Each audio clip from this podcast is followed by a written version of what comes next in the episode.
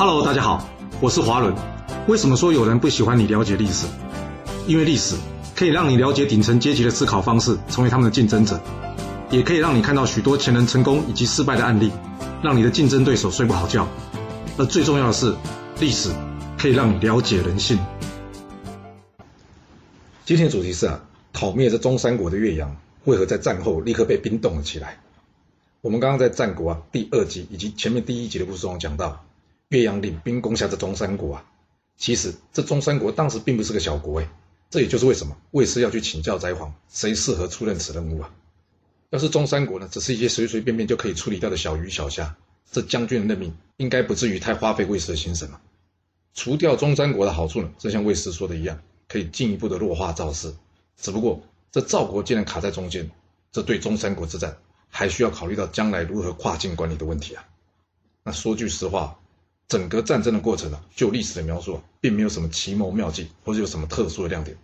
勉强来说，只有岳阳火攻中山军以及后面追赶他们的那一段啊。但为什么这件事就特别被历史详细的记载了下来呢？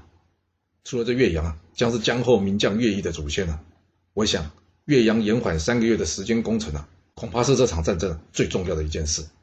岳阳之所以延缓攻城呢，主要是为了将来攻下来之后易于管理。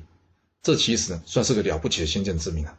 你要知道，一般人都认为什么成王败寇啊，这失败了呢，就只有任命被人处置的份了。但真的是这样吗？在后面的历史啊，你会看到很多战败国的人民啊，起来对抗战胜国的例子。那别说是国对国啊，就算是公司对公司也差不多。啊。这被并购的公司员工，常常不也是被并购他的公司这样对待吗？但是岳阳呢，却可以有这样独到的眼光，非常不容易。毕竟呢。虽然他将中山国前期的取得成本定高许多，但是呢，却可以降低后面啊中山国的治理成本。不过，像岳阳这样优秀将领，为什么一回到魏国就被魏氏给冰冻了起来呢？历史从李逵的口中给了我们个答案，那就是啊，魏师冰冻岳阳啊，跟管仲建议齐桓公啊不要任用易牙的道理是一样的。毕竟岳阳啊，连自己儿子的肉都敢吃，他还有什么不敢做的呢？但是，真的是这样吗？很有可能。但有没有可能有另外一个原因啊？那就是魏师其实很害怕岳阳这种前卫的思考方式啊，因为对魏师来说啊，他可以管理得住岳阳，但不代表他的继承人有能力可以驾驭这岳阳。若让岳阳不断的立功，取得高位以及实权，会不会将来有一天会危及魏氏的政权啊？为什么我会这么说呢？你从后面魏师领着韩赵两国要求周天子给他们来个三家分晋这一点就可以判断了。在此之前。春秋纷纷扰扰三百多年，有谁想要过换掉老大，换掉姬姓的诸侯？这等于是在进行一场革命哎！要是魏氏会这么想，难道他不担心岳阳也有可能会这么做吗？就像他自己说的：“只有我能任用你，也只有你可以完成我交付的任务。”这句话表示了他对岳阳能力的认可，同时啊，不是也显示出他内心的担心吗？但不管怎么说啊，魏师处理这场人事案呢，算是相当有技巧啊。他给岳阳封地赏爵，但却拿掉他的实权，一来可以渡群臣的悠悠之口啊，二来也算是对功臣有个交代了。他并没有来个大杀功臣、兔死狗烹的桥段了。而最绝的是，这魏师呢，竟然把大家黑岳阳的信呢交给这岳阳看，这等于是断了岳阳后面的从政之路啊。